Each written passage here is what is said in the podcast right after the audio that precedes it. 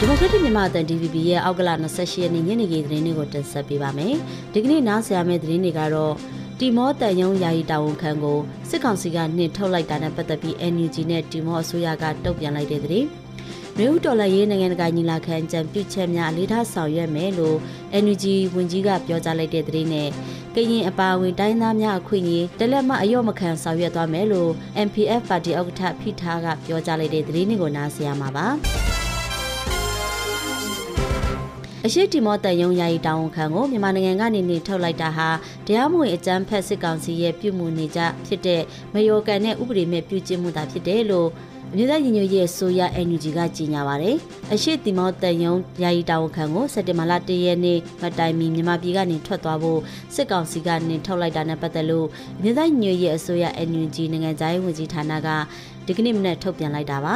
ဒီမိုကရေစီအခြေခံမူဝါဒတွေစံနှုန်းတွေတရားဥပဒေစိုးမိုးရေးနဲ့လူသားကုန်သိက္ခာတို့ကိုတံမိုးထားတဲ့ဒီမော်လက်စတေးနိုင်ငံရဲ့ရည်တည်ချက်ကိုအထူးလေးစားကျေးဇူးတင်ပြီးအများစံနမူနာထားသိတဲ့ရည်တည်ချက်ဖြစ်တယ်လို့လည်း NUG ကထုတ်ပြန်ချက်မှာဖော်ပြပါဗျ။အရှိတီမောအစိုးရကလည်းအခုလိုတန်တမန်ကိုနေထုတ်ခဲ့တာနဲ့ပတ်သက်ပြီးရှုတ်ချကြောင်းနဲ့မြန်မာပြည်သူတွေနဲ့အတူသွေးစည်းညီညွတ်စွာရည်တည်တယ်လို့ပြန်လည်တုံ့ပြန်ကြေညာထားပါတယ်။မြန်မာနိုင်ငံမှာဒီမိုကရေစီရရှိရေးကြိုးပမ်းမှုတွေအားလုံးကိုအားပေးထောက်ခံဖို့အရှိတီမောအနေနဲ့အာဆီယံနဲ့ကုလသမဂ္ဂနဲ့အတူရပ်တည်ကြောင်းဆရာနာရှင်အနေနဲ့လူအခွင့်အရေးကိုလေးစားဖို့နဲ့ဗိဓုဘခကိုငြိမ်းချမ်းပြီးအပြုသဘောအပြေရှာဖို့အရှိတီမောအပါအဝင်နိုင်ငံတကာအတိုင်းအဝန်အနေနဲ့မြန်မာပြည်ပြည်ထနာကိုငြိမ်းချမ်းစွာဖြေရှင်းပြီးမြန်မာပြည်သူတွေအနေနဲ့အခြေခံလူအခွင့်အရေးတွေကိုလေးစားဖို့ဆက်လက်တောင်းဆိုပါရယ်။ ဒါအပြင်နိုင်ငံတကာအတိုင်းအဝန်အနေနဲ့ဒေသတွင်းမှာဒီမိုကရေစီအုပ်ချုပ်ရေးနဲ့လူအခွင့်အရေးတွေပြန်ရရေးအင်အားစုတွေနဲ့ပူးပေါင်းဖို့လည်းအရှိတီမောနိုင်ငံကတိုက်တွန်းလိုက်ပါတယ်။အရှိတီမောနိုင်ငံဟာ NUG အစိုးရကိုအတိမတ်ပြုကြောင်းတရားဝင်ကြေညာထားပြီးနိုင်ငံခြားရေးဝန်ကြီးဒေါ်စင်မာအောင်နဲ့အဖွဲ့ဝင်တွေကိုလည်းအစိုးရသစ်ကျန်းသစ္စာဆိုပွဲအခမ်းအနားကိုဖိတ်ကြားခဲ့တာဖြစ်ပါတယ်။မြန်မာနယူးတော်လန်ရေးနိုင်ငံတကာညီလာခံကထွက်ပေါ်လာတဲ့မျိုးဆက်အသီးသီးရဲ့ဆွေးနွေးအကြံပြုချက်တွေကိုအလေးထားဆောင်ရွက်သွားမယ်လို့ NUG သတင်းအချက်အလက်နည်းပညာဝန်ကြီးကပြောပါရယ်။မြန်မာနယူးတော်လန်ရေးနိုင်ငံတကာညီလာခံကိုဒေသစံတော်ချိန်ဩဂတ်လ26ရက်နဲ့28ရက်တွေမှာအမေရိကန်ပြည်အောင်စုနယူးယောက်ပြည်နယ်ဘတ်ဖလိုးမြို့မှာကျင်းပခဲ့တာပါ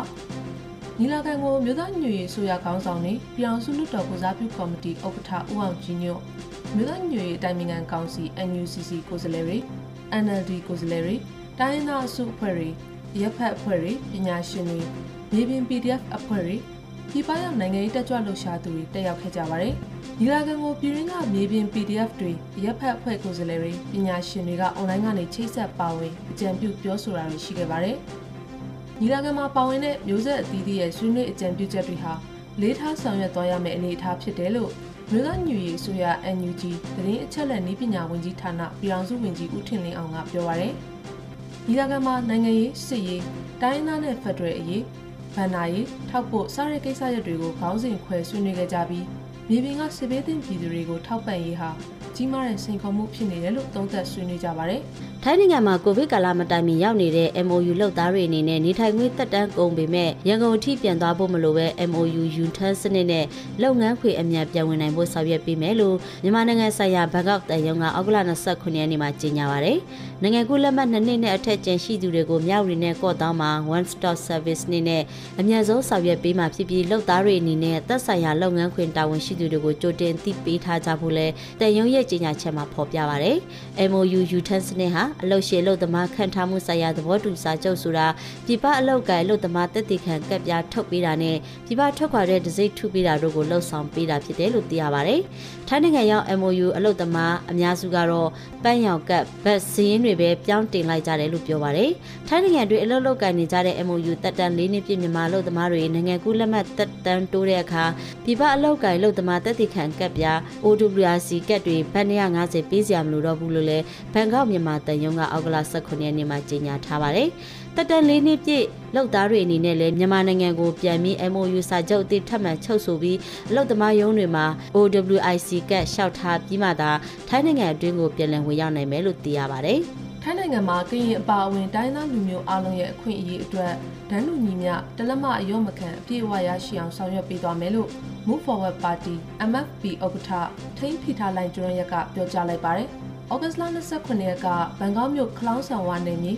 ဝက်ဖရာဆူရင်ကျောင်းတိုင်းမှာကျင်းပတဲ့ကရင်ရိုးရလက်ဖွဲ့ချင်တဲ့ပွဲမှာပြောကြားသွားတာဖြစ်ပါတယ်။သူ့အနေနဲ့နိုင်ငံရေးလောကရဲ့ရောက်လာတာနဲ့တိုင်းသားတွေရဲ့ရိုးရတလေးထုံနှန်းစင်လာတွေနဲ့နှက်ဆိုင်စွာထိတွေ့ခဲ့ရတယ်။ ကောက်သစ်စားပွဲတွေလည်းတက်ခဲ့ဘူးတယ်။ဒီလက်ဖွဲ့ချင်အောင်ပဲတက်ရတာလည်းဂုဏ်ယူရလို့ဆိုပါတယ်။ကရင်တိုင်းသားတွေရဲ့တန်ဖိုးသူ့ရင်မှာအမြဲရှိတယ်။သူဝေထားတဲ့ကရင်ရိုးရအင်ဂျီဟာအရှိကဒီလိုဆိုရင်အနောက်ကလည်းဒီလိုပါပဲ။ရိုးသားဖြောင်းမှုမှုကိုပြသတယ်။ကျွန်တော်ကိုလက်ဆောင်ပေးတဲ့ဒီကရင်အင်ဂျီမှာကော်လမ်မရှိနားကိုမရှိအိတ်ကပ်မရှိဒါဟာပကတနာမရှိတာတပြင်းနဲ့တသားတဲ့တက်မှတ်နေတာကိုဖော်ပြတာဖြစ်တယ်။နိုင်ငံရေးသမားအနေနဲ့ကရင်နဲ့တကွတခြားတိုင်းသားတွေဘက်ကနေရက်တည်တယ်လို့ပြောပါရယ်။ ထိုင်းနိုင်ငံမှာလူမျိုးပေါင်းစုံရှိနေတာဟာဒီနိုင်ငံရဲ့အာသာချက်ပဲအားနည်းချက်မဟုတ်ဘူး။ထိုင်းမှာတိုင်းသားအခွင့်အရေးနဲ့ပတ်သက်တဲ့မူဝါဒတောက်တိုင်ကြီး၄ခုရှိတယ်။အဲ့ဒါကနိုင်ငံသားဖြစ်ခွင့်၊ကျန်းမာရေး၊ပညာရေး၊ရေမီအစရှိတဲ့ပြည်သူဝန်ဆောင်မှုတွေပါပါတယ်။တိုင်းသားတွေအနေနဲ့အဲ့ဒီအခွင့်အရေးတွေနဲ့အညီသိခါရှိစွာနေရဖို့ဒန်းလူညီများရှိရမယ်။တလက်မမအယောမခံစေရဘူးလို့ပြောသွားပါတယ်။ ကရင်ရိုရလက်ဖက်ချီနောင်ပွဲကိုနှစ်စဉ်ဝါကောင်လမှာကျင်းပလေးရှိပြီးဒီပွဲတော်ကိုပြပရောက်ကရင်ဒုက္ခသည်များဆိုင်ရာလူမှုဆောင်ရှောက်ရေးအဖွဲ့ကဦးဆောင်ကျင်းပခဲ့တာဖြစ်ပါတယ်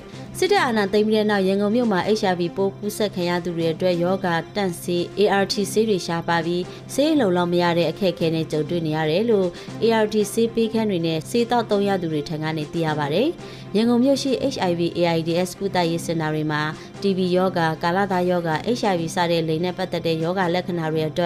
လာရောက်ပြီးသွေးစစ်တာတွေအပြင် ART ဆေးတွေလာရောက်ထုတ်ယူကြတဲ့လူနာအရေအတွက်တစ်ရက်ကိုအယောက်150ဝန်းကျင်ကနေ200ဝန်းကျင်အထိရှိနေပြီးဆေးရှားပါမှုကြောင့်အားလုံးကိုဆေးထုတ်ပေးဖို့အခက်အခဲနဲ့ကြုံတွေ့နေရတာပါ။ ART ဆေးကရန်ကုန်မှာအရင်လိုဆေးကမပေါ်တော့ဘူးအရန်ရှားနေတဲ့တချို့နေရာတွေဆိုရင်တစ်ခါပေးရင်10လုံးလောက်ပဲပေးနိုင်တော့တယ်။အာနာမသိခင်နှစ်တွေတုန်းက3လစာနေစုပ်ပေးနိုင်တယ်လို့ရန်ကုန်ရှိ HIV AIDS ကာကွယ်ကုသမှုပေးနေတဲ့ဆေးခန်းတာဝန်ရှိသူတို့ကပြောပါရယ်။စစ်တပ်အာဏာသိမ်းပြီးတဲ့နောက်လုံခြုံရေးအခြေအနေအရနေရက်ဒေသအသီးသီးကိုပြောင်းရွှေ့နေထိုင်ကြတဲ့ HIV ပိုးရောဂါကူးစက်ခံရသူအများအပြားလည်းရှိနေတာဖြစ်ပြီးသူတို့ဟာလည်း ART ဆေးရရှိဖို့အခက်အခဲများစွာကြုံတွေ့နေရတာဖြစ်ပါတယ်ရှင်။